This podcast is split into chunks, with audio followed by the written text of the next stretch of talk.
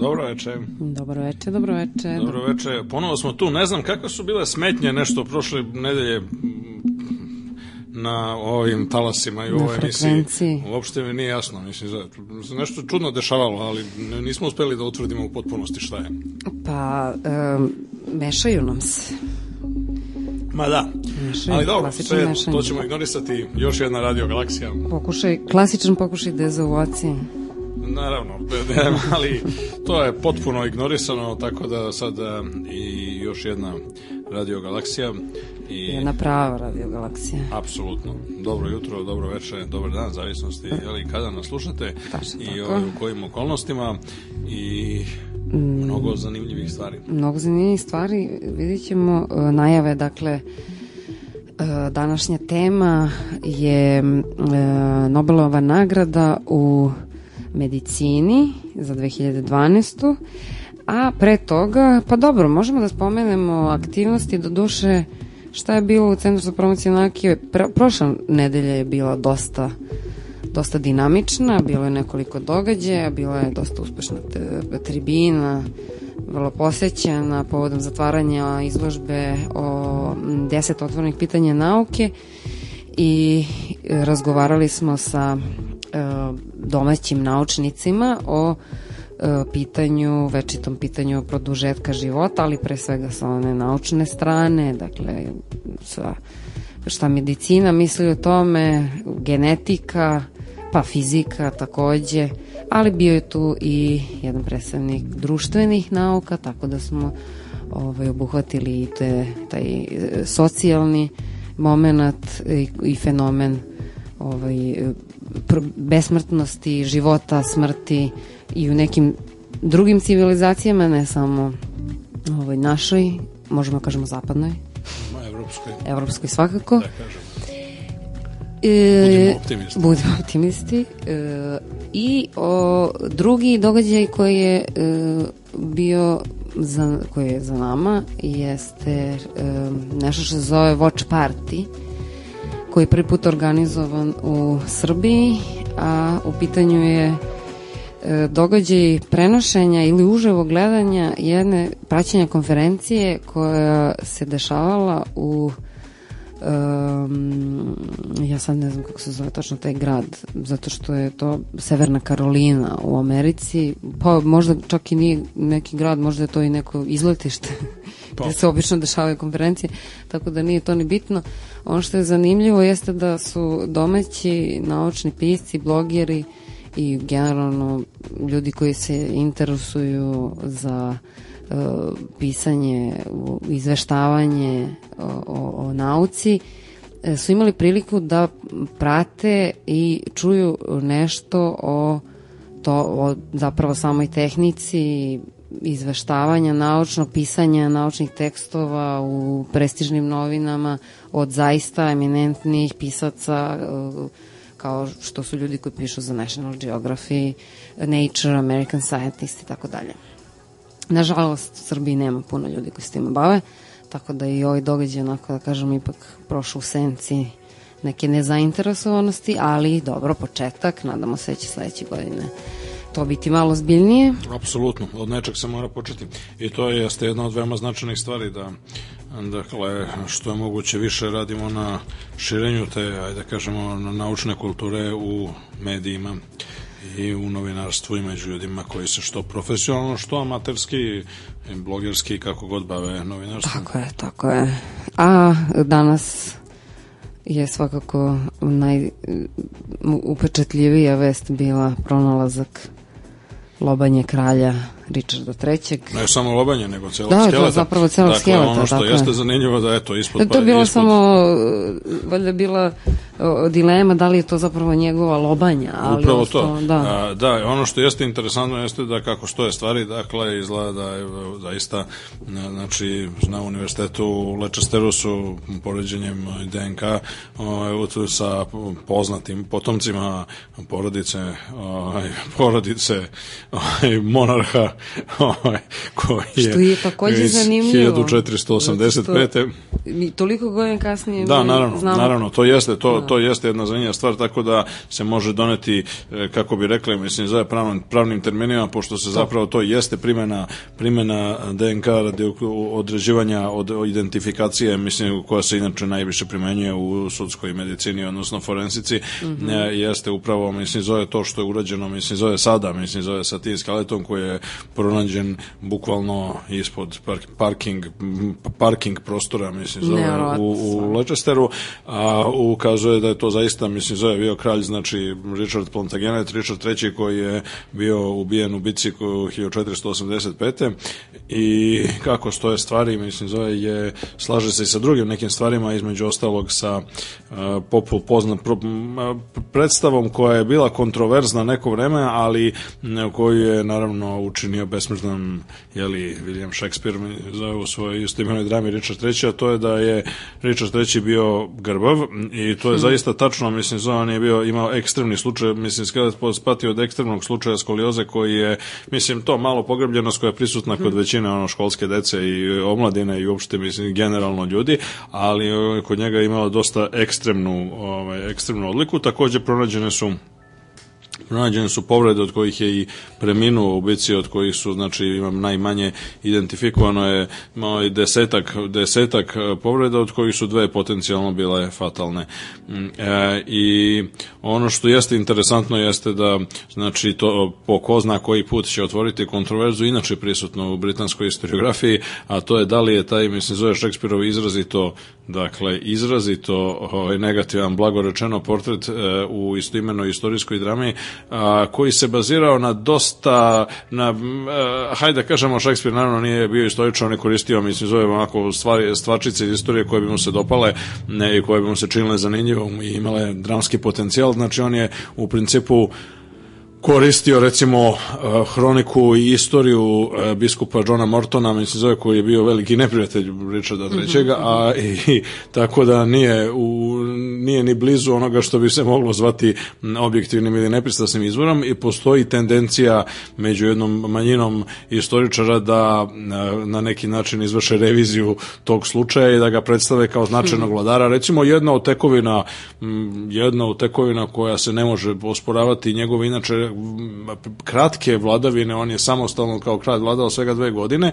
Do duše, mislim, zove neki će reći da i pre toga tokom bolesti, mislim, svog brata Edvarda IV. Ovaj, bio, hajde da kažemo, siva eminencija, odnosno donosio sve značajne odluke u državi godinama pre toga. Mm -hmm. A, ovaj, jedno, jedno recimo tekovina, na primjer, koju vredim pomenuti, jeste da je on prvi uveo nekakav smisleni poštanski sistem, tako da je ovaj, englesko kraljevstvo za njegove vladavine imalo prvi put nakon pada Rimskog carstva, mislim, zove prvi put je postojala, postojao sistem ovaj, prenošenja poruka, mislim, zove po celoj zemlji, mislim, zove imali su posebne postaje, mislim, zove posebne ono konjanike, glasnike i tako dalje, mislim, koji su bili organizovani kao državna služba. Što je bio značajan korak napred, mislim, zove, jeli, za 15. vek. Da. E, a ovaj, i sad ima ljudi drugih koji smatraju da on u stvari bio jako sposoban vladar koji je to bio ocenjen od strane svojih protivnika. Ne treba zaboraviti da znači bitka na Bosforskom polju, mislim zove kojem je on ubijen i kome je istovremeno bila i smena dinastije, pošto Henry VII koji je došao, mislim zove na vlast nakon 1485. je bio predstavnik potpuno nove dinastije Tudora koja se a, koja je činila sve da ocrni svoje prethodnike, mislim zove iz obo, da kažemo oba dve prethodne kuće, mislim zove Yorka i Lancastera Tako da je to nešto što da, mislim sad ovo ovo otkriće očigledno će učiniti dosta mislim zove da se ponovo obnove debate i diskusije na tu temu, a inače ono što jeste zanimljivo jeste da je već najavljeno od strane što bi se reklo zvaničnih organa, mislim zove monarhije, da će Aha. ne sa nekom preteranom pompom, mislim zove ne sa nekim ono, bog zna kakvim slavljem, ali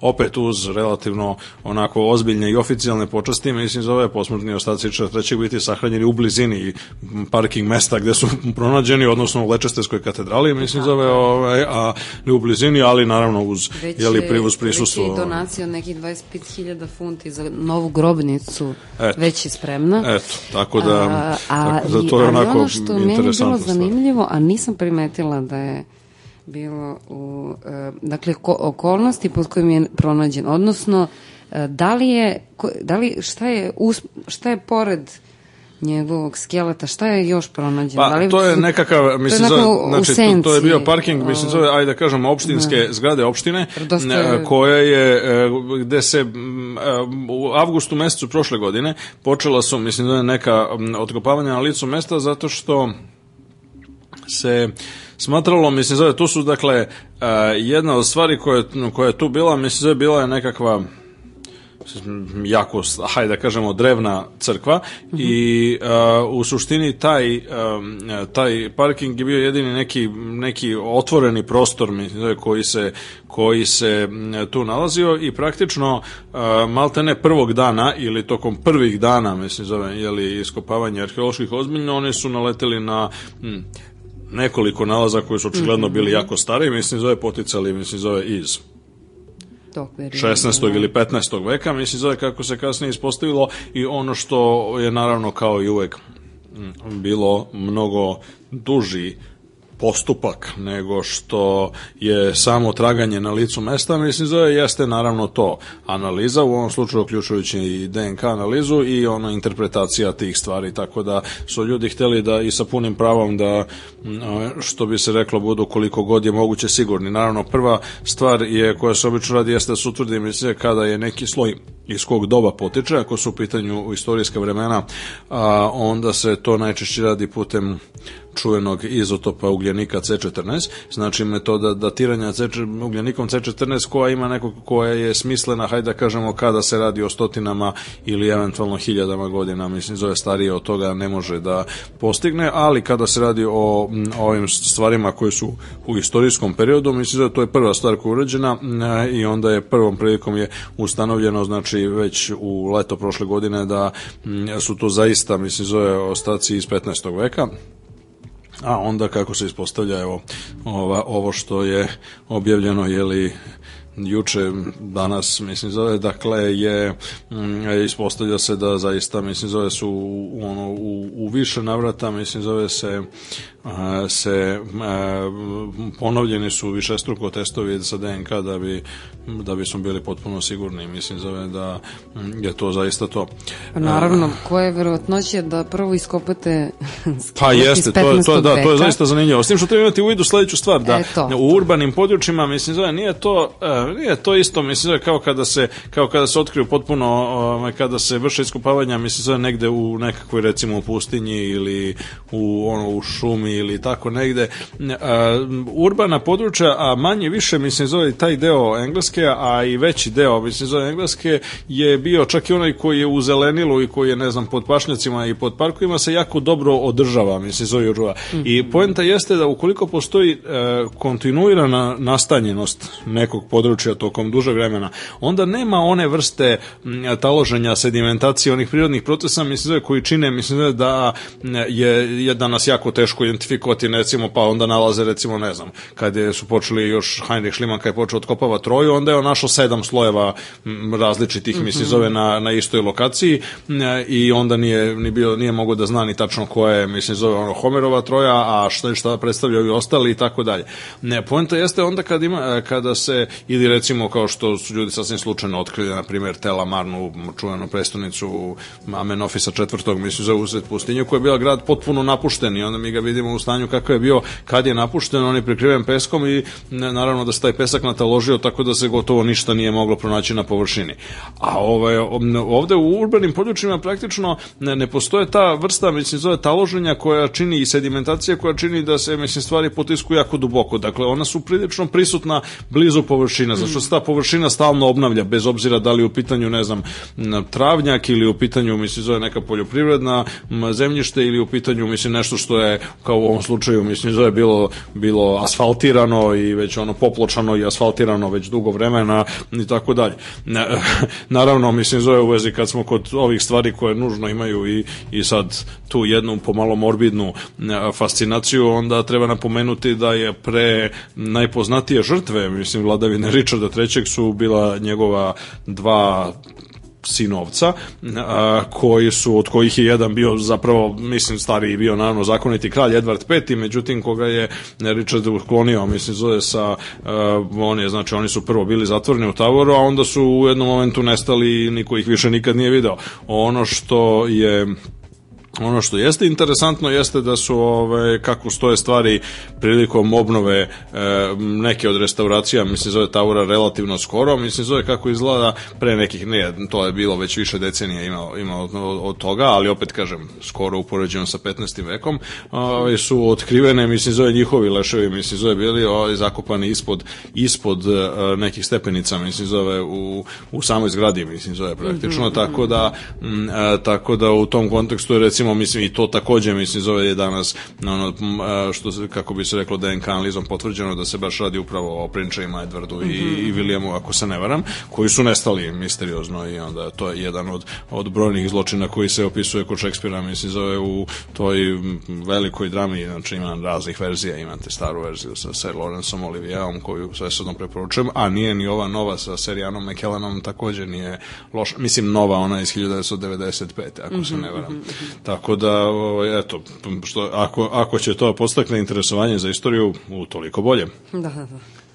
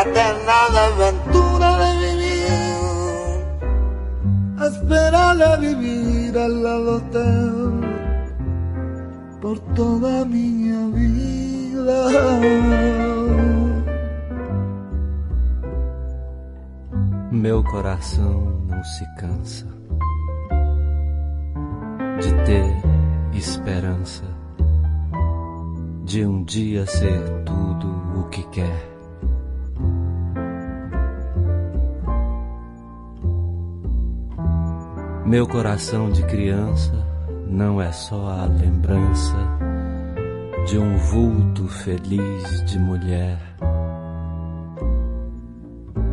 que passou por meu sonho sem dizer adeus e fez dos olhos meus um chorar mais sem fim.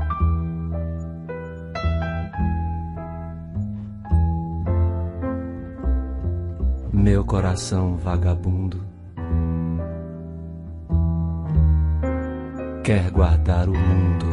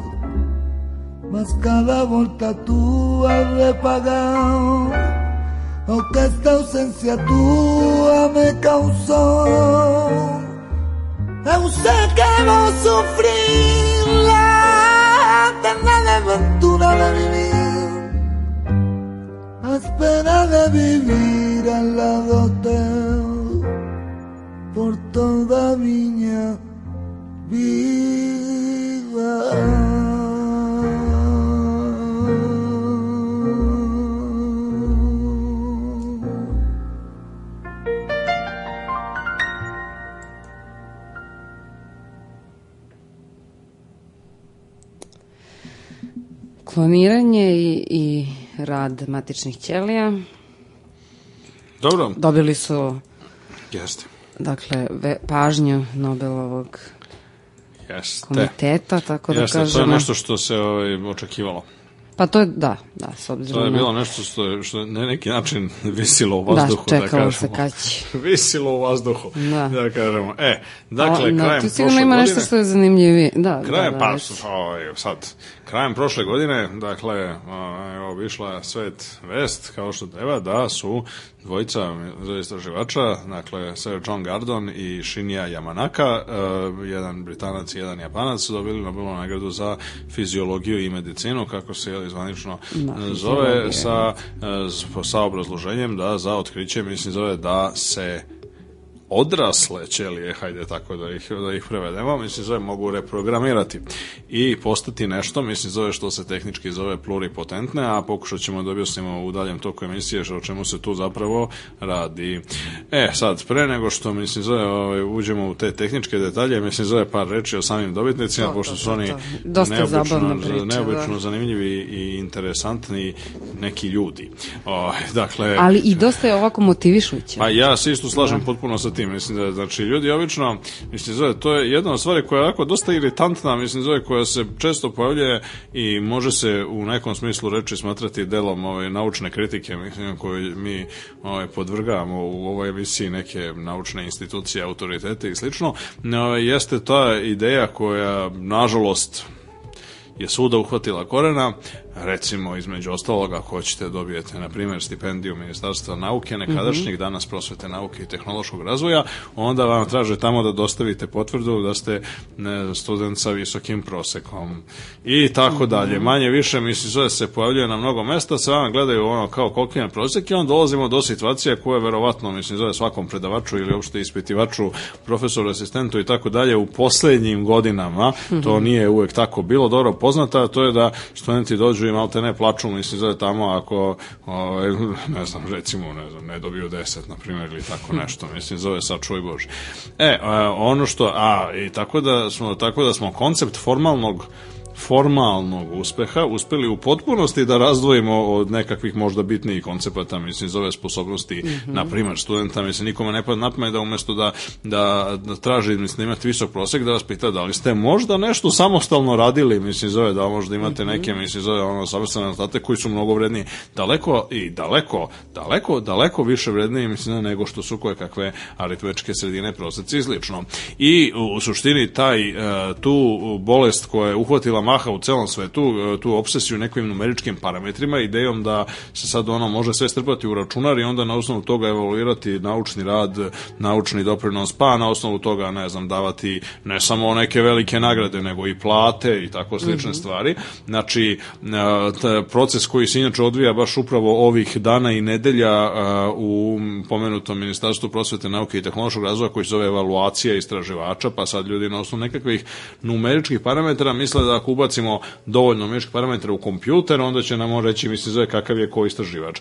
To, naravno, da je to duboko pogrešno, mislim, zove između ostalih jedna od uzgrednih koristi, mislim, zove može da bude upravo ovaj priča, mislim, zove o jednom od dvojice, mislim, o obojci zapravo, mislim, zove dobrim delom, ali recimo Sir John Gardner, mislim, zove je isto ekstremni primer toga, zato što je on čovek koji je, ovaj, kada, koji je bio ocenjen kao sve, sve, samo ne nekakav talenat za nauku i samo ne čovjek sa ovaj, visokim prosekom i tako dalje.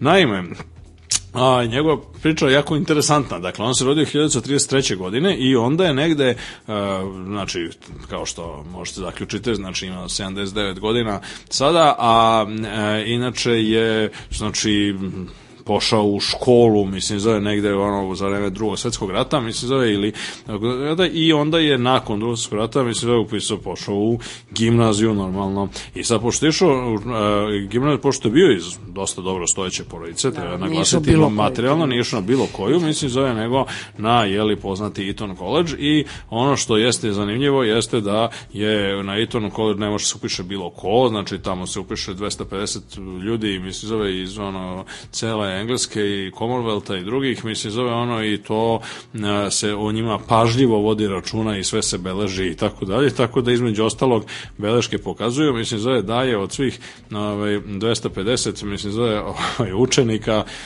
naš John Gardon bio najgori. Znači, bio je ubedljivo prvi od pozadi, mislim, zove imao je najlošije ocene, mislim, zove su časova, inače je bio dosta, mislim, zove onako jedan hiperaktivan tip, mislim, zove i e, između, između ostalih stvari, mislim, zove imao je najnižu moguću, mislim, zove ocenu, ovaj, upravo iz biologije, mislim, zove, što je posebno zanimljivo.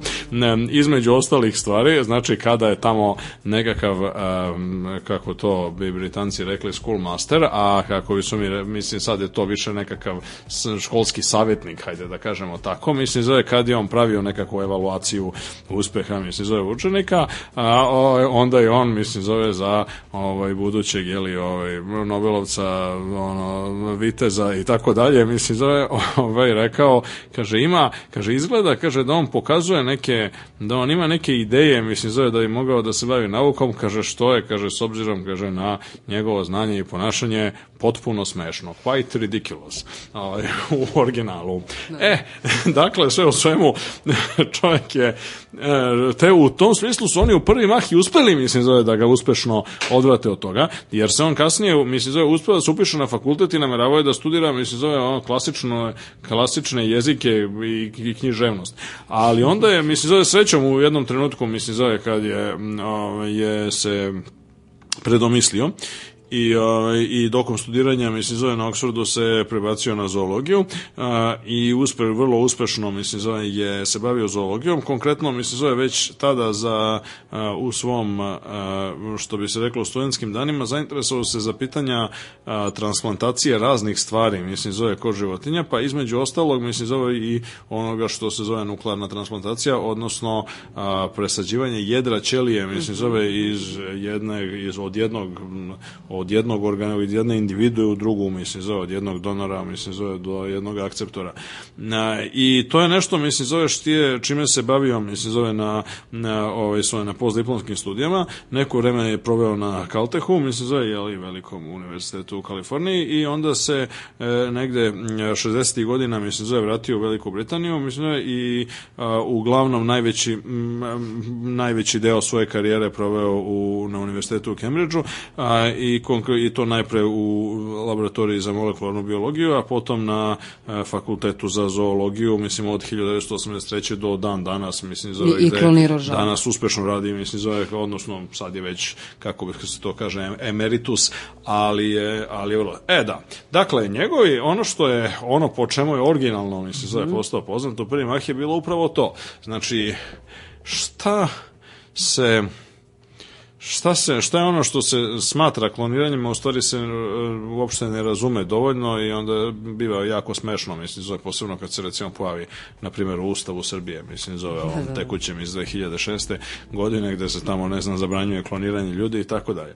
Dakle, šta se dešava? Pa ono, na primjer, jedan od najpoznatijih eksperimenata, znači taj koji je e, Gardon izveo praktično još kao student 1958. godine, e, bilo je da zapravo uzme, e, teorija kaže da se znači sad to je stara teorija, hajde tako da se izrazim, da se sva genetska informacija, znači sve ono što se nasleđuje a, sa jedne generacije na drugu se kako god i u kom god obliku bila tačno zapisana, mi danas znamo da obliku DNK, al, a se nalazi u jedru ćelije.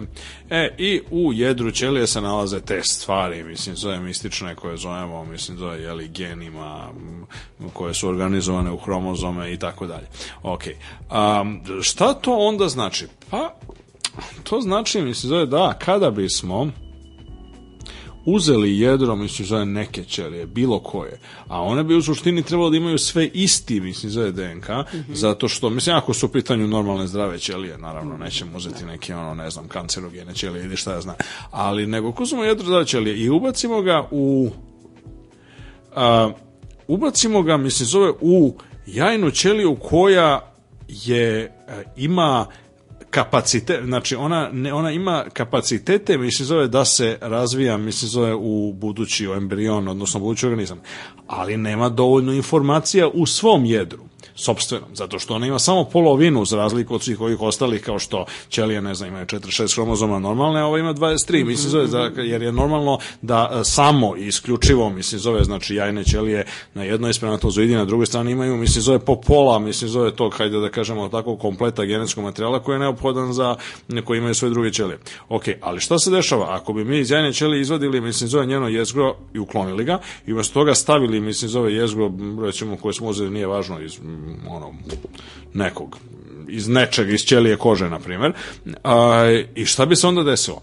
Pa onda bi oni mehanizmi koji regulišu, hajde tako pojednostavljeno govoreći, koji regulišu a, početak, mislim zove, znači živo, ono, oplođenje ćelije i tako, oni bi konstatovali da sad odjednom tamo ima ceo set hromozoma, da se nalazi sva genetska informacija i onda bi tajna ćelija počela se deli na dva, pa na četiri i tako dalje i onda bismo dobili, znači mi bismo dobili, i, i to je suština klinja. E sad, pošto je ta genetska ćelija uzeta, mislim zove iz, e, znači taj materijal u jedru je uzet, mislim zove iz jedne somatske ćelije i jednog da organizma ne mora da bude isti, mislim za organizam ne mora da bude uopšte ista individua.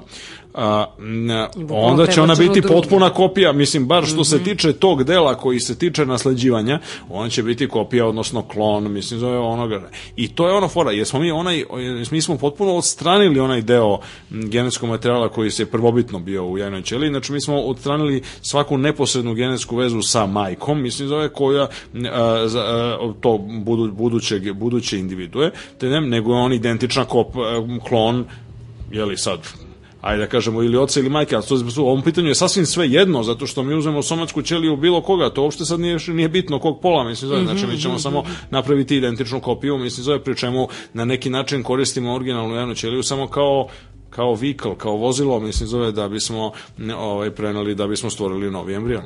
I to je mislim zove suštinski u krajnje pojednostavljeno ideja kloniranja. Znači vi ubacite mislim zove samo jednostavno sav genetski materijal koji se normalno nalazi u jedru, zamenite jedro jednostavno nekakve su obične telesne somatske ćelije, mislim zove sa jedrom jajne ćelije i ona će sama od sebe počne da se deli i nastaće, mislim, nastaće nova individua. I to je ovaj Gardon uradio sa žabom. Dakle, on je u principu uzeo somatske ćelije žabe, mislim, zove, ubacio, mislim, zove u tu tu taj, e, znači, kako žabe imaju fazu punog glavca, mislim, zove vrste Xenopus, i ono što je, zapravo, to nije bio prvi slučaj, mislim, da je bilo ranije, 52. i 56. godine, recimo, Har Svorup je prvi, zapravo, to u Nature-u bilo objavljeno, mislim, zove bila prva nekakva, nekakva, e, neko vrsta kloniranja ribe. E, međutim, ovo kloniranje žabe koje je izveo Gardon 58. godine je bilo potpuno uspešno i bila je znači jedna jedna prilično kompleksna životinja mislim kao što je žaba i generalno vodozemci su već prilično kompleksne životinje su a, je prvi put uspešno mislim zove klonirana bez ikakvih vidljivih posledica mislim zove po narednu generaciju. Inače sam te, sam termin klon koji potiče znači od te grčke reči klono koja znači pupoljak ili m, tako nešto mislim zove je nju je izgleda prvi koristio veliki John Haldane ali ona je bila tu ono u igri, ali Holden je baš upotrebio, mislim, zove baš da opiše ovaj Gardonov eksperiment, tako da je na taj način, mislim, zove klonjenje dobilo onaj, ono značenje i ono, onu vrstu reference koju, koju dan danas ima. E, ono što se naravno, mislim, zove ono što je naravno ekstenzija cele te priče, jeste da upravo je, da je upravo poenta u tome da mi zapravo polazeći od jednog dela neke somatske ćelije, recimo ja sam ja rekao smo uzeli ćeliju kože, mogli smo neku ćeliju iz recimo, ne znam, uzorka krvi ili tako nešto. Mislim da, naravno, ne možemo da uzmemo ćelije kao što, ne znam, ono, eritrocene, o, mislim, one ćelije koje imaju normalno jedro, recimo, ne znam, ono, crne, crvena krvna zrnca koja nemaju i tako dalje, mislim, nego, ne, nego ćeliju, znači uzmemo ćeliju koja ima normalno jedro, bilo odakle. E sad, ono što jeste kontroverzno u svemu tome, sa naučne tačke gledišta. Znači, potpuno sad zanemarimo te ono nekakve etičke, religijske i druge debate koje se vode oko toga. Ali ono što je kontrolno sa naučne tačke gledišta jeste sledeće. Pa, da, da nije, kako smo mi uspeli tu na neki način, mi kao da smo vratili taj sat unazad, zato što mi sad smo uzeli recimo ćeliju kože, ali ona je specif, ona je već diferencirana, kako bi to ljudi lepo rekli, odnosno ona je deo jednog specifičnog tkiva, ima jednu specifičnu funkciju. Ona ne liči na neke druge ćelije iz istog organizma. Znači, razlik ćelija kože se razlikuje recimo od belokrvnog zrnca, koje se opet razlikuje od neurona i tako dalje. One su jako različite.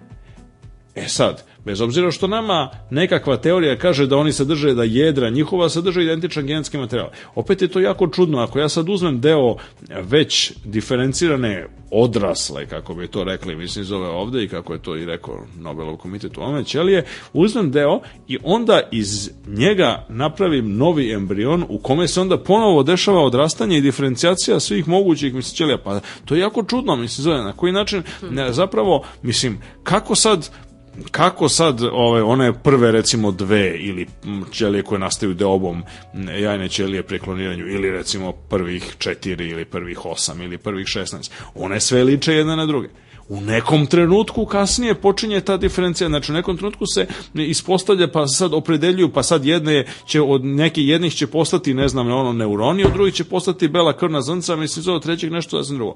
Ali šta to može biti, mislim zove, kakva je to vrsta informacije koja to, o, o kako stoje stvari izgleda, nije ona informacija koja se, koja je bila već sadržana, mislim zove, u jedru. Jer bi onda bilo, mislim zove, nešto kao ono, Baron Minhausen, mislim zove, kako da podignem samog sebe, uvis vukući se za kosu, mislim, zove, to je, a, mislim, to je na neki način izgleda kao da, mislim, zove, kao da smo mi a ili je postoji celokupna ta mnogo veća informacija koja je negde skrivena nema od toga ili smo mi uzeli samo ili je to jako jedno jedno veliko čudo i misterija kako smo uzeli samo delić informacija jer da bismo napravili ćeliju kože potrebno je samo mali delić informacija o svim mogućim ćelijama organizma i iz toga ultimativno možemo napravimo ne samo novu kožu, pošto i taj budući embrion će da ima znači, ćelije kožu, nego napravimo i ne znam, neurone, bela krvna zrnca i tako dalje.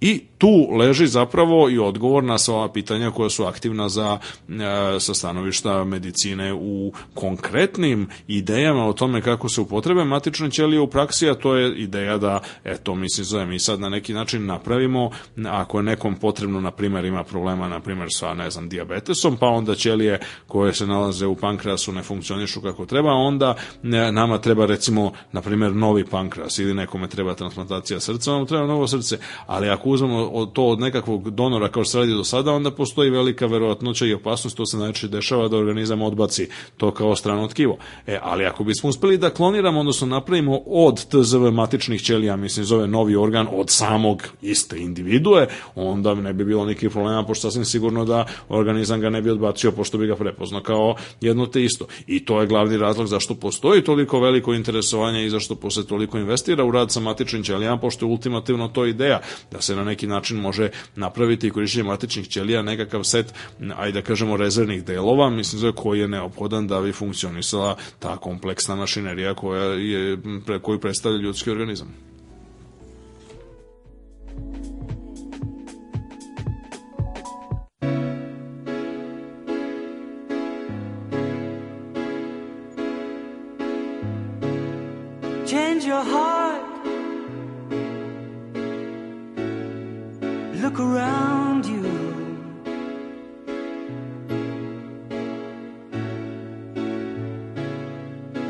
your heart,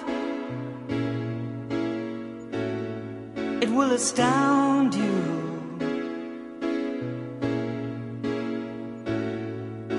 I need your loving like the sunshine.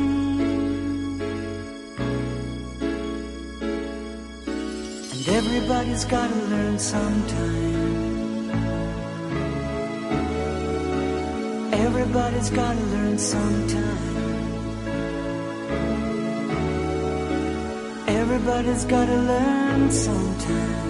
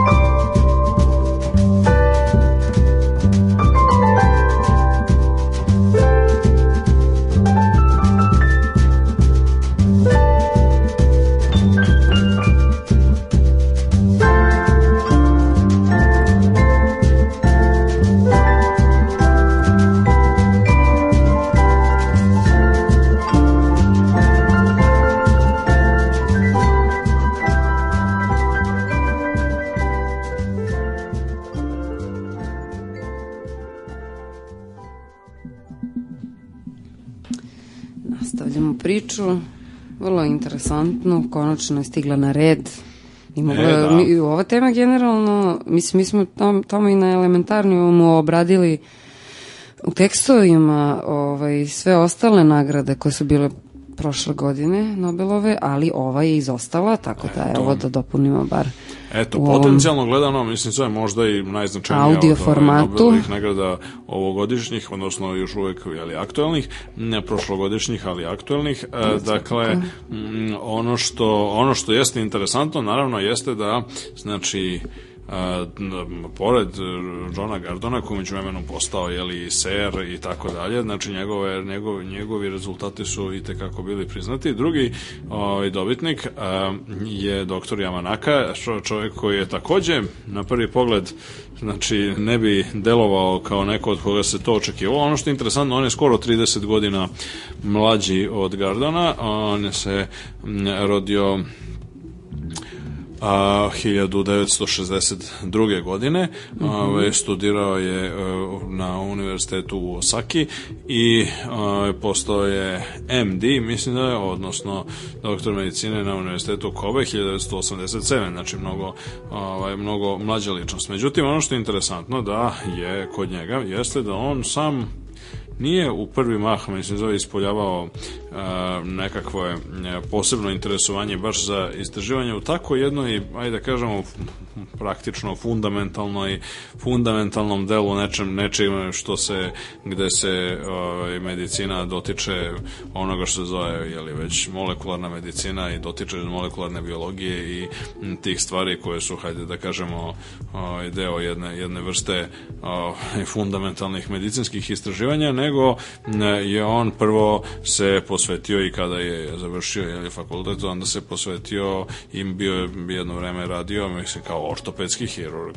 I radio je u bolnici, u nacionalnoj bolnici u Osaki e, i ono što je interesantno jeste da, kako svi kažu, mislim, zove bio je jako nespretan kao hirurg, ali ovo, ali, ovo išlo je, da. ali ovo mu nije išlo uopšte od ruke, mislim zove naime čak prvu operaciju, mislim zove je izveo ne, bio uklanjanje nekog benignog tu- tumora, mislim zove se i to što da, da stvar bude još bizarnija, mislim zove on je insistirao da operiše pacijenta koji je bio njegov lični prijatelj ne, i tokom kažu ljudi da sat vremena mislim zove nije uopšte uspeo da to uradi, mislim zove nakon čega je došao mislim zove njegov stariji kolega i završio to za 10 minuta mislim ne. E, i onda on tako da na neki način je mm, e, na neki način Yamanaka je bio ovaj se našao u tome a pogotovo ta neka mislim zove znači em, ono i hirurgija koja je naravno visoko praktična oblast ovaj, medicinskih aktivnosti a pogotovo još i ortopedska hirurgija to nije nešto što generalno u šta gde ljudi generalno očekuju neke velike prodore mislim zove velike velike e, korake napred revolucije i tako dalje. E, i u suštini ono što Yamanaka je e, uprkos i tome što međutim on je pokušavao još neko vreme sve negde do kraja prošlog veka, znači otprilike negde do 1999. je pokušavao da se bavi praksom, hajde tako da kažemo medicinskom, ali je bio nekako znači i na nagovori svojih kolega i prijatelja i njegove supruge i tako dalje, ali nekako mu to nije, mislim zovem nije mu to kako sam kaže i kako to opisuje, mislim zovem nekako nije mu to mm, pošlo zove. Znao je, razumeo on to sve plemenitost poziva, pomaže ljudima i tako dalje, ali nekako se nije nalazio u potpunosti u tome. I onda je konačno 1999. godine, mislim zove, ono, rešio da preokrene i promeni sve ovaj, u svom životu i aplicirao je za poziciju na Nara institutu, za, to je jedan veliki, veliki institut japanski, mislim zove to je nešto kao, mislim, recimo kao Princeton ili kao što je recimo ovaj, ne, ICTP institut u Trstu, na primjer za fiziku i tako dalje. No, Nara institut je jedan, jedan od ono najvećih naučnih organizacija u Japanu i, a, i on se, on je zapravo dakle a, od 1999. do 2003. je tamo, mislim, zove bio kao docent prvo kasnije i vanredni profesor je bio angažovan i upravo tu je započeo ona istraživanja koja su ga učinila poznatim i koja su, koja su dovela i do prošlogodišnje Nobelove nagrade a ovaj, nakon, nakon čega mislim zove je je, je prešao, mislim, zove na i do 2010. godine, mislim, zove radio na institutu za, ajde da kažemo, napredne istraživanje u medicinskim naukama i od, a od tada, mislim, zove i dan danas, mislim, zove radi kao a, profesor na univerzitetu u Kyoto. A, ono što je suština, mislim, zove njegove, njegovog rada je taj problem koji je neki način ljude fascinirao i i na neki način je predstavljao problem za razumevanje od samog početka embriologije, hajde da kažemo tako kao nauke. Kako mogu jedne iste, mislim, zove ćelije, koje nastaju prostom deobom, mislim, zove nekakve početne oplođene jajne ćelije, da postanu toliko različite. Mm -hmm. Jer na kraju krajeva, mislim, one su toliko različite da vi čak, mislim, ako vam neko eksplicitno i ne kaže, vi ne biste uopšte razumeli, mislim, kad bi, kad bi vam neko dao samo slike ili tako nešto, mi ne biste razumeli da su u pitanju ćelije koje pripadaju istom organizmu.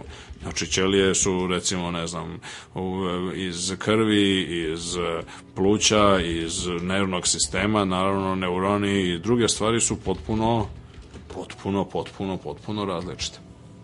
One imaju zajedničko sve to da imaju isti taj genetski materijal, odnosno one koji imaju jedro među njima, imaju isti taj skup, mislim, zove odgovarajućeg broja hromozoma, u kome se sadrži sav genetski materijal, ali su po svemu drugome znači po obliku, po funkciji, po sadržaju, po veličini na kraju krajeva, mislim, zove strahovito različite.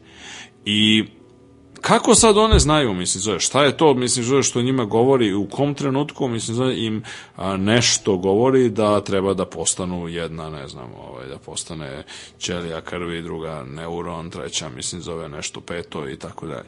E, to je ono što predstavlja glavne, to je ono što je suštinski. To sigurno ne, to zapravo ne mogu biti te informacije koje se nalaze striktno locirane u jedru, baš zbog toga, mislim, zove, što kako smo pokazali, znači vi zamenite jedro, dobijete, mislim, zove klon koji je takođe takođe ima sve te različite različite e, pojedinačna tkiva i u njima potpuno različite ćelije. E, to je ono što se jeli zove potentnost ćelije i to je ono čemu, što je glavna razlika mislim zove između znači ćelija koje su kako se to kaže unipotentne to su one koje mogu da postanu koje ili jesu ili mogu da postanu mislim zove samo jedna vrsta mislim zove ćelija. Znači imate ovaj, nekakve neurone ili ćelije koje će od kojih će postati neuroni i koje mogu da postanu samo neuroni i ništa drugo E, a ono što je pravi problem jeste, mislim, zove kako, zapravo šta se dešava i na koji način ćelije koje su originalno, mislim, zove bile imale mnogo veću, mislim, zove fleksibilnost, su jedan mnogo potentnije, to su one koje se nazivaju pluripotentnim i totipotentnim. Sad, to su neke tehnički termini koji nisu sad toliko bitni za nas, ali recimo, znači, totipotentni su one ćelije koje mogu da se, od koji može se da nastane bilo šta. E, to je ovaj, zapravo recimo to su kod biljaka nekakve spore, e, a kod ovaj, recimo kod na primer životinja, mislim zove pogotovo kod ovako kompleksnih i ozbiljnijih životinja, hajde tako da kažemo, mislim zove to su zigoti, odnosno opođeni jajne ćelije. Zašto? Zato što od njih jednostavno nastaju sve ostale, to mislim zove krajnje logično. E sad, problem jeste u tome što od njih mora da nastane, i sad to je jedna, jedna od kvaka, mislim zove je što od njih nastanu i N milijardi ćelija koje imaju ceo komplet, mislim zove genetskog materijala, a mora da nastane jedna, odnosno nije, nije baš jedna, ali srećom, ali e, relativno mali broj ćelija, mislim mali broj ovih a, ćelija kao što su, mislim, zove nova jajna ćelija ili spermatozoidi koji moraju da imaju samo pola genetskog hm. materijala. I to je recimo jedna stvar. Znači, mislim, moramo da isključimo, mi u startu mora da isključimo, mislim, zove te da ne, znači na jednoj strani mislim zove jajne ćelije spermatozoida, a ja posmatramo njih zasebno od svih ostalih, zato što iz nekog razloga očigledno da ta, do te divergencije prve dolazi, znači prvo se ako ta univerzalna totipotentnost se univerzalna fleksibilnost da možete napraviti bilo šta se prva nestaje u tom smislu što mislim zove od mora da se vidi da se specijalizuju na onoj strani na kojoj mislim zove su ove polne ćelije i na i sve ostale a sve ostale koje imaju isti ceo, ceo, ceo komplet tog nuklearnog genetskog materijala ovaj su znači o, mora da postoje nekakve, nekakve ćelije i one se nazivaju pluripotentnim, to je drugi sledeći niži nivo potentnosti, a to je da pluripotentne su one koje mogu da naprave bilo šta drugo, hm. osim jeli, spermatozoida i jajnih ćelija. I to je ono što, na primer, kad mi kažemo, kad mi kažemo, mi se zove recimo, na primer, na primer, pa postoje one, ono što se učilo bar nekada davno, sad se verovatno, mislim uči se i sad verovatno, a sad da li se stvarno uči u školi ili ne, ali one stvari kao što su epidem, endoderm i mezoderm, mm. e, dakle, to su nekakve tri sloja od kojih nastaju neka tkiva koja su međusobno nekako srodna. E sad šta to tap zapravo tačno znači? Pa to zapravo znači, mislim zove da su originalne pluripotentne ćelije koje nastaju sa to deobom 2, 4, 8, 16 i tako dalje. Znači u nekom stadijumu se prvo izdele na ta tri dela, znači epidermis, endodermis i mezodermis koji pa onda su dakle onda recimo iz na primer epidermisa su nastale ovaj na primer eh, eh, ovaj nastala je koža i, na primjer, nervni sistem, koji su jako slični međusobno. Bez obzira što se čoveku to ne bi učinilo na prvi pogled, zove, ali, ovaj, ali je to tako. A recimo iz mezoderma nastaje, na primjer, kosti i, recimo krvne ćelije, mislim zove, na primjer, i, i ne znam, veći deo mišića i slično. A iz endoderma nastaje, na primjer, ovaj, jeli, organi za varenje, to jetra, gušterača i slično. A, e, sad, znači, to je prva nekakva podela. Znači, to u principu na način na koji se te, znači, već počinje diferencijacija tih pluripotentnih ćelija koje su postale pre toga. Da bismo postigli ciljeve koje, su, koje smo pomenuli, koje, kojima se, koje su na neki način, ono, krajnji cilj ili sveti gral ili ono kao ko, i suštinska ideja istraživanja matičnih ćelija jeste upravo to da i možemo da napravimo nova tkiva i organe po želji i po potrebi dakle koja će biti mislim zove istog iste imati istu strukturu i na koje imunni sistem neće reagovati mislim zove kao i bilo koje individue od kojih e, e to je poenta jeste u tome kako znači osnovna prepreka je sledeća. Znači mi ne možemo da napravimo pacijentu novu jetru iz prostog razloga što Znači, ne, ne znamo kako da, mislim da je u pitanju samo, da on nema dve jetre, znači ima jednu. Mi možemo da znamo, da, da napravimo ovaj, uzorke i da na neki način, mislim, zove, uzmemo uzorke, mislim, za ćelija jetre, ali mi ne znamo kako da napravimo, mislim, ne znamo da prođemo ceo taj komplikovani proces izdavanja nekakvih instrukcija ili moglo bi se reći programiranja koje će činiti, mislim zove da nekakve druge ćelije, mislim zove čije koje bismo uzeli kao, kao od koji bismo uzeli na primer bez obzira da li od odrasle individue ili od individue još na, u nekakvom u nekakvom ranom detinstvu na nivou embriona i slično, kako da od njih napravimo, kako da izdamo sve odgovarajuće instrukcije, hajde tako da kažemo, da ih programiramo da naprave baš novu jetru, a ne nešto drugo. E sad, to je bila, mislim da je suštinski problem jeste u tome što mi ne može neki način izgleda da se taj, i to je jedan svojevremeno biolog i embriolog klasični Conrad Weddington nazvao epigenetski pejzaž, izgleda kao da neki način imamo neko spuštanje niz planinu, mislim zove na vrhu planine, mislim zove su ovaj, totipotentne ćelije koje mogu sve da naprave malo ispod njih, ali odmah isto takođe pri vrhu planine, mislim zove su pluripotentne ćelije, a onda kako spuštamo sve niže i niže, onda neke odu na jednu stranu, neke na drugu, onda planina postaje veća i onda one mi ne, ne možemo na neki način da ih vratimo nazad, mislim zove ako su se već uh, osposobile i specijalizovale za nešto. I tako se bar činilo. E, međutim, ispostavlja se i tu zapravo, mislim, zove Yamanakina ono veliko, da ne kažem genijalno, ono, to je čak možda i malo reći ako se ispostavi na ovaj otkriće, jeste da znači koristeći mislim nekakve ćelije iz dakle matične ćelije miševa -hmm. normalno ne, jeste da je znači na neki način mislim zove on ovaj hajde da kažemo pustio mislim zove da one da taj embrion miša krene da raste znači i onda je samim tim da dolazi do do ove do specijalizacije, odnosno da se pojavljuje, mislim, zove različita, pojavljuju se različita tkiva, a onda, mislim, zove je a, zapravo, mislim, zove uspeo da otkrije, mislim, zove i da razume šta se zapravo, znači koji su to faktori a, kojima se može delovati i to su nekakvi, na primer, transkripcioni faktori, znači kako se to obično zove, nekvi enzimi, kojima se manje više nekve hemikalije, aj sad da krajnje pojednostavimo, kojima se može delovati, mislim, zove na ćelije koje su već počele, mislim, zove da se specializuju da to prestanu da budu i da se vrate u prethodno, znači, nespecializovano stanje. I to je ono što je potpuno fascinantno, zato što to na neki način, mislim, zove kao nekakav ono mini ono biološki vremeplov, odnosno to je kao da kao da ste uspeli da podmladite ljude i da ih vratite da. u detinjstvo, mislim zove i da onda oni nakon toga mogu krenuti nekim drugim putem, na primjer, uslovno govoreći. E, to je bila velika stvar, mislim zove, on je identifikovao, znači cijela, on ne, nije on lično, mislim zove, imao je čitavu ekipu saradnika, ali svi kažu da su njegove ideje bile ključne.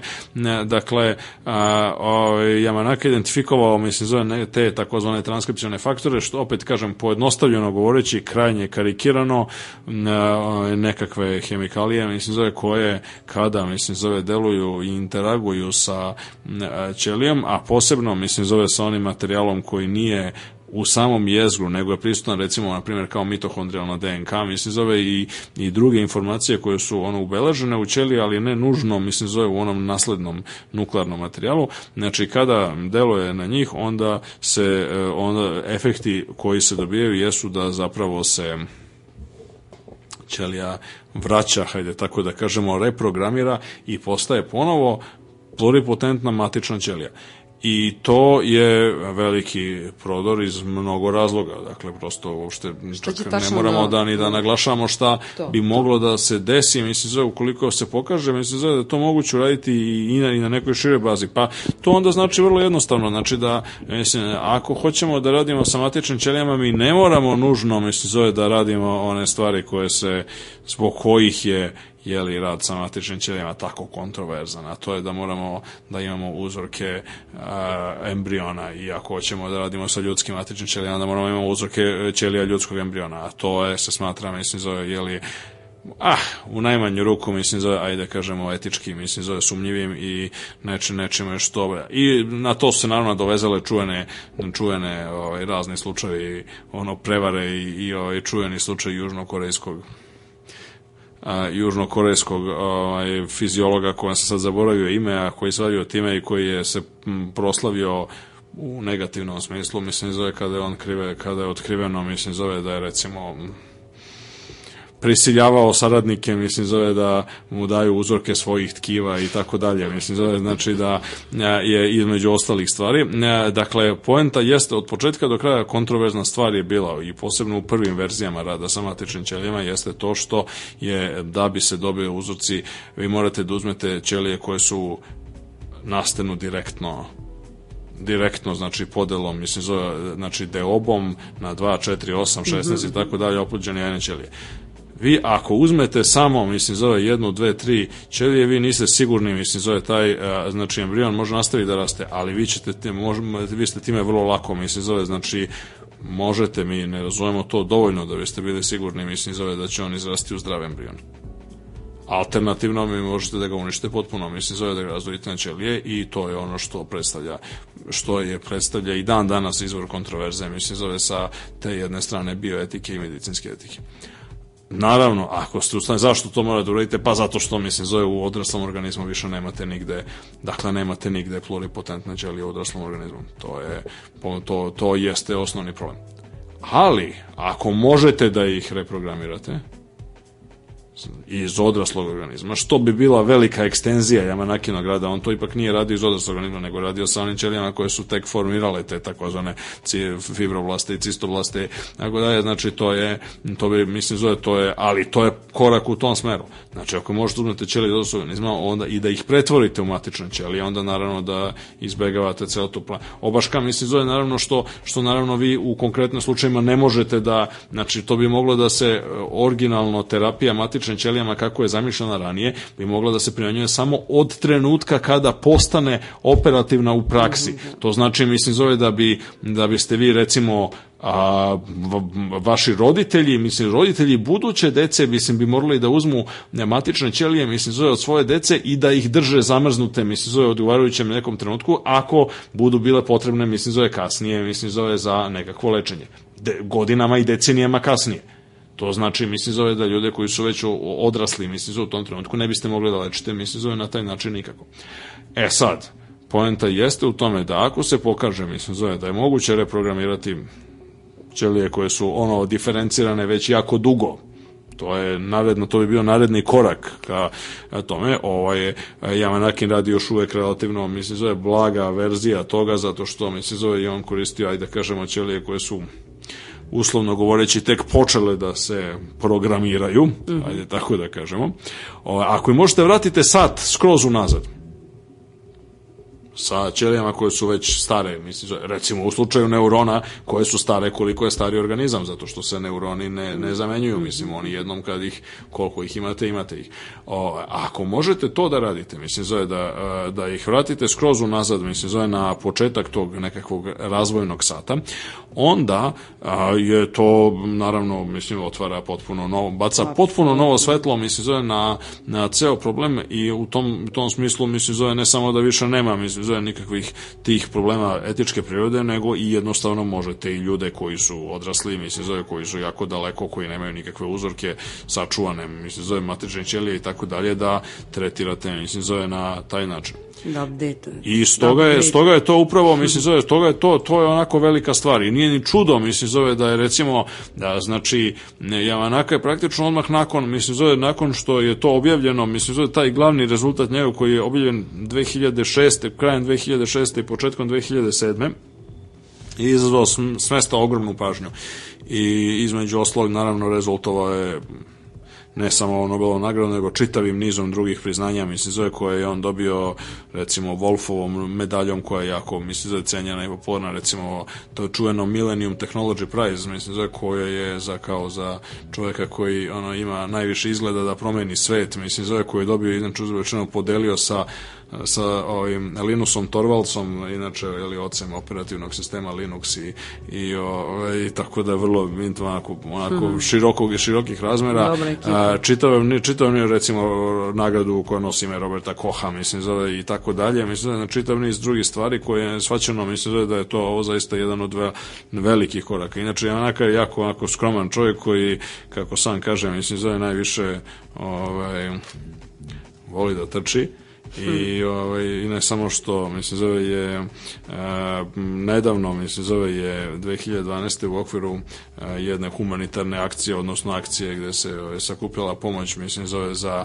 neka medicinska istraživanja, mislim, zove je, je trčao maraton i pretrčao ga Boga mi, mislim, zove za 4.03.19, mislim, zove što je za čoveka sa 50 godina, mislim, zove ipak, mislim, zove sasvim, ovaj, sasvim solidan rezultat, tako da, inače, mislim, zove trčao, mislim, zove više od 50 maratona u svom životu. Tako, da, ne, u tom kontekstu, mislim, zove jedan veoma... Ne, ono što ćemo, ono što ostaje da se vidi jeste, naravno, mislim, da, da dakle, ovo baca potpuno novo svetlo na čitav problem epigenetike, koji je nešto što je suviše velika tema da bismo se sad bavili time, možda u nekoj od narednih radiogalaksija budemo detaljnije se dotakli tome, a to je, e, opet da pojednostavim stvari do karikature, mm -hmm. to je pitanje, mislim, kako su, e, šta se dešava i na kakva je dinamika onih informacija koje se ne nalaze u jedru ćelije, odnosno koje nisu deo te takozvane nukle, koje nisu nuklearna DNK, nego se nalaze negde drugde u ćeliji, a igraju strahovito veliku ulogu, upravo između ostalog u ovome,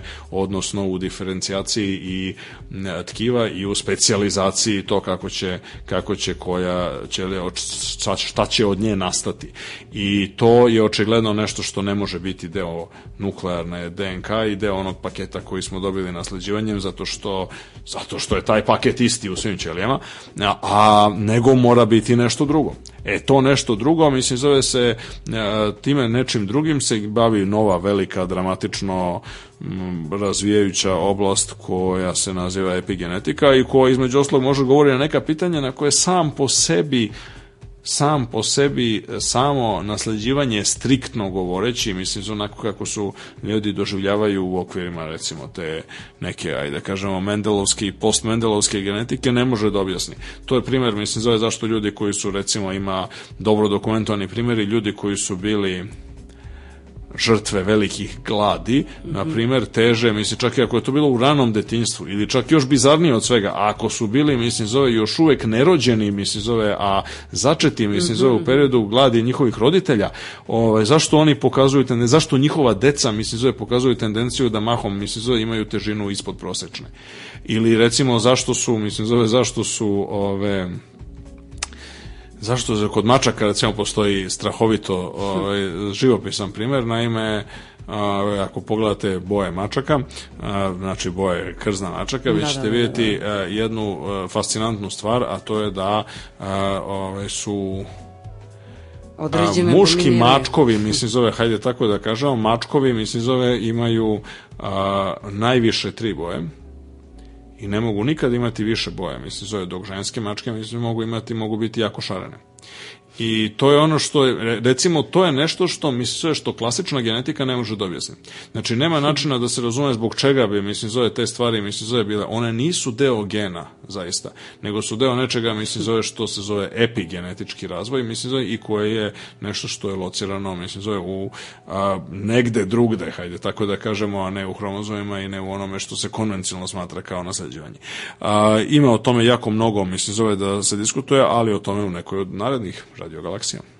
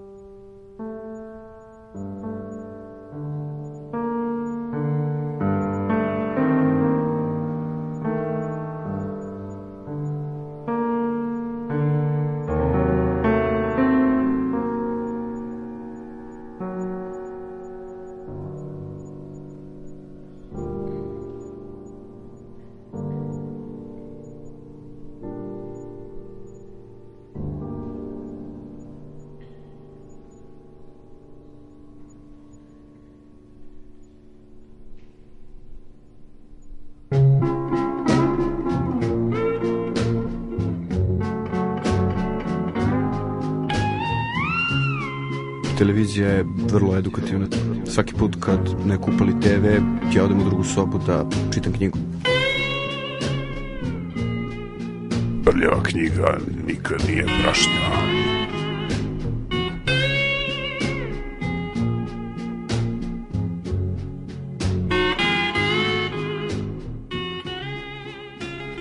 Jedan pisac, jedna knjiga, Kurt Mendelssohn i traganje za apsolutnom nulom.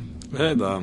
Ovo je znači jedna lepa knjiga koja postoji u jako lepom prevodu, jedino što naravno ko je srećan da je pronađe, ona je e, objavljena u originalu još 1977. a kod nas je objavljena 1982. u izdanju Srpske književne zadruge, dakle to je bilo vreme kada je Srpska književna zadruga objavljivala jako ozbiljne stvari, uključujući, mislim, za naučno-popularne knjige, e, zaista vrhunske knjige i vrhunskih prevodilaca i nešto, znači, mnogo pre i u mnogo neka srećnija vremena pre nego što je posle počela da se bavi prom raznim nacionalističkim poduhvatima i sličnim glupostima, te u ovom smislu je znači i Mendelssohnova knjiga kao i još neke koje su izašle u ovoj ediciji. Poučnik bila sjajna stvar, znači ova knjiga koja je u, opet u, za jednu knjigu u tvrdom povezu jako ozbiljno napravljeno, mislim zove izašla u tiražu od 2500 primjeraka je a, bila između ostalog bilo je recimo Harry Shipman, ne znam, Crne jame, Kvazar i Vasiona i tako dalje.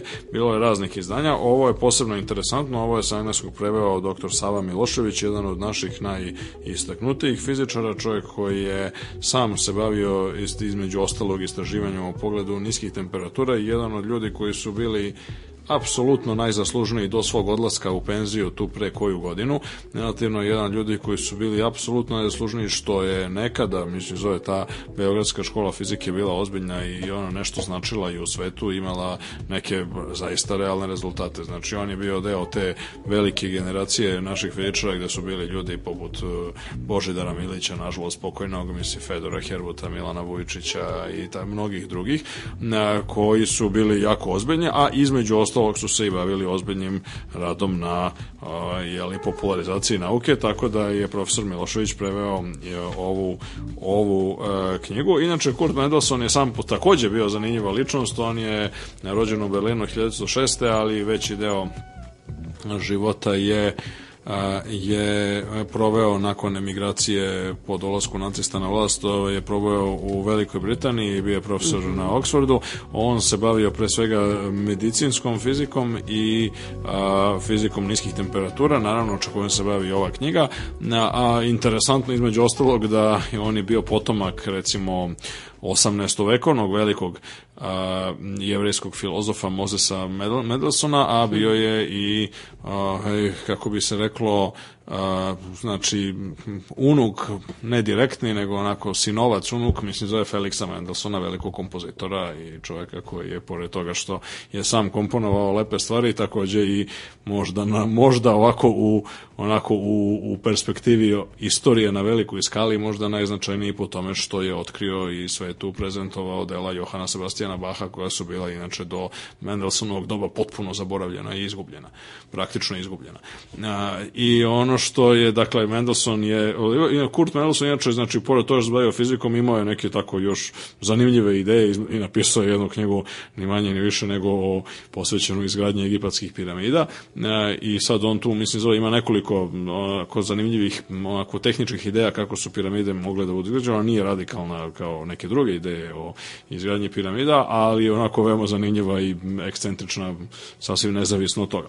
Ova knjiga u taj potrazi za apsolutnom nulom, odnosno u traganje za apsolutnom nulom i sa podnaslovom znači smisao fizike niskih temperatura je veoma interesantna pošto ona do trenutka kad se pojavi, znači ona, ona opisuje kretanje i dešavanje u toj veoma interesantnoj oblasti fizike, od fizike niskih temperatura do e, znači od samih početaka koji su bili negde u 18. veku kada je prvi put se pojavila ideja da bi bilo moguće, mislim na primjer stvari koje su gasovi u nasobnoj temperaturi kao što su azot i kiseonik prevesti u tečno stanje, što je bilo potpuno šokantno interesantna ideja, mislim, zove prosto kada se pojavila prvi put u spisima nikog drugog nego velikana i oca moderne hemije Antoana Lavoisiera, a, a pa sve do sa najsavremenijeg doba. Ono što pomaže celoj priči jeste što je sam Mendelssohn bio student uh, Voltera, Waltera Nernsta, a Walter Nernst je otac trećeg zakona termodinamike i prvi čovjek koji je razumeo da se apsolutna nula temperature ne može nikada dostići, mislim, realno,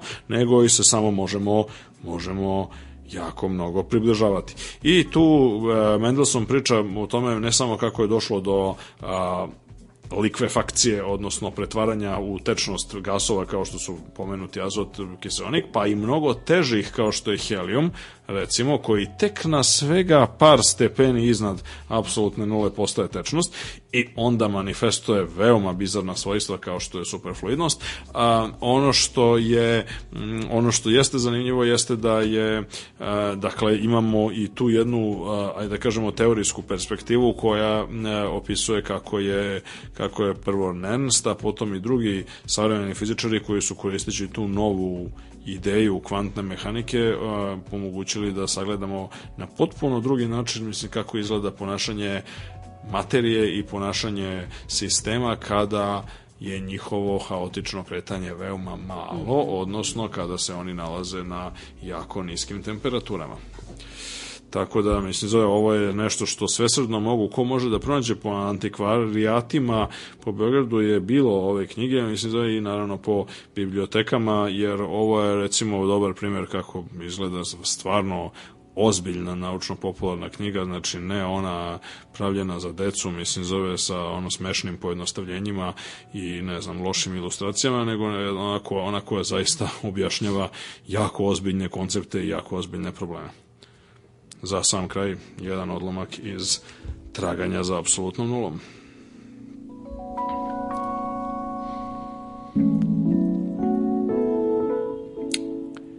Iako je formulacija Nernstove teoreme u obliku zakona o nemogućnosti postizanja apsolutne nule veoma zastupljena u učbenicima, kao jedno jasno tvrđenje koje je lako zapamtiti, ona nije mnogo izmenila napore ljudi kao što su bili Dewar ili Camerling Ons. Takva formulacija, međutim, u izvesnoj meri utiče na značenje apsolutne nule kao dna naše temperaturne skale. Ova skala nema plafon, jer mi prećutno pretpostavljamo da kad god merimo neku veoma visoku temperaturu, postoji još viša i da se ona može postići. Apsolutna nula je nešto drugo, pošto je neka temperatura niža od nje nezamisliva. U tom smislu tvrđenje trećeg zakona da ispod bilo koje niske temperature koju ostvarimo postoji još niža koju možemo ostvariti ne postižući apsolutnu nulu mora izgledati neobično. Šta više, sa svakim daljim približavanjem apsolutnoj nuli smanjuje se razmak koji nas deli od nedostižne tačke i počinje da biva smešno mali deo jednog stepena. Ima mnogo razloga da se ne razmišlja o linearnoj skali temperatura, već da se razmatra njihov odnos. U ostalom, temperatura je na osnovu drugog zakona termodinamike i definisana pomoću takvih odnosa.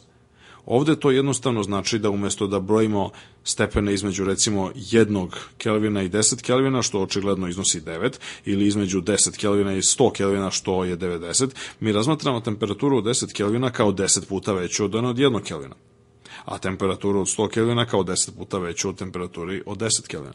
Upotrebljajući odnose mi dajemo isti značaj intervalu između 1 i 10 kao intervalu između 10 i 100 ili onome između 100 i 1000 i tako dalje.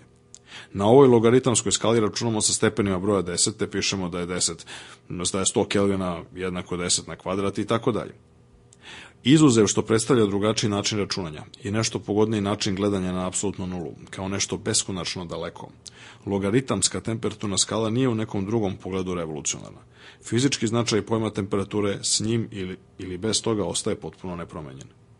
Dokle, dok je tvrđenje o neostvarljivosti apsolutne nule bez velikog značaja za naše razumevanje fizičke slike svetla, dotle je druga formulacija trećeg zakona koja tvrdi da entropija mora postati jednaka nuli tvrđenje od fundamentalne važnosti. Ono što iz nje sledi, mada nije odmah bilo uočeno, predstavlja potpuni raskid sa fizičkim predstavama 19. veka. Pored toga, nestajanje sve neuređenosti sa približavanjem apsolutnoj nuli postalo je ključ za razumevanje svih neobičnih pojava koje su uočili eksperimentatori kao što su Dewar i Kamerling Ons. Hvala na još jednoj druže, jednom druženju i na još jednoj epizodi Radio Galaksije. Do sledeće srede. Pišite nam na srede. do sledeće srede, četvrtka, petka, subota ili nedelje, ponedeljka, zavisi kada. Slušate, u svakom slučaju, uh, pišite na radiogalaksija at gmail.com Pratite nas na Twitteru, Radio Galaksija i naravno Facebook grupa Radio Galaksija arhiva. Do sledećeg slušanja, doviđenja, prijatno. Do slušanja.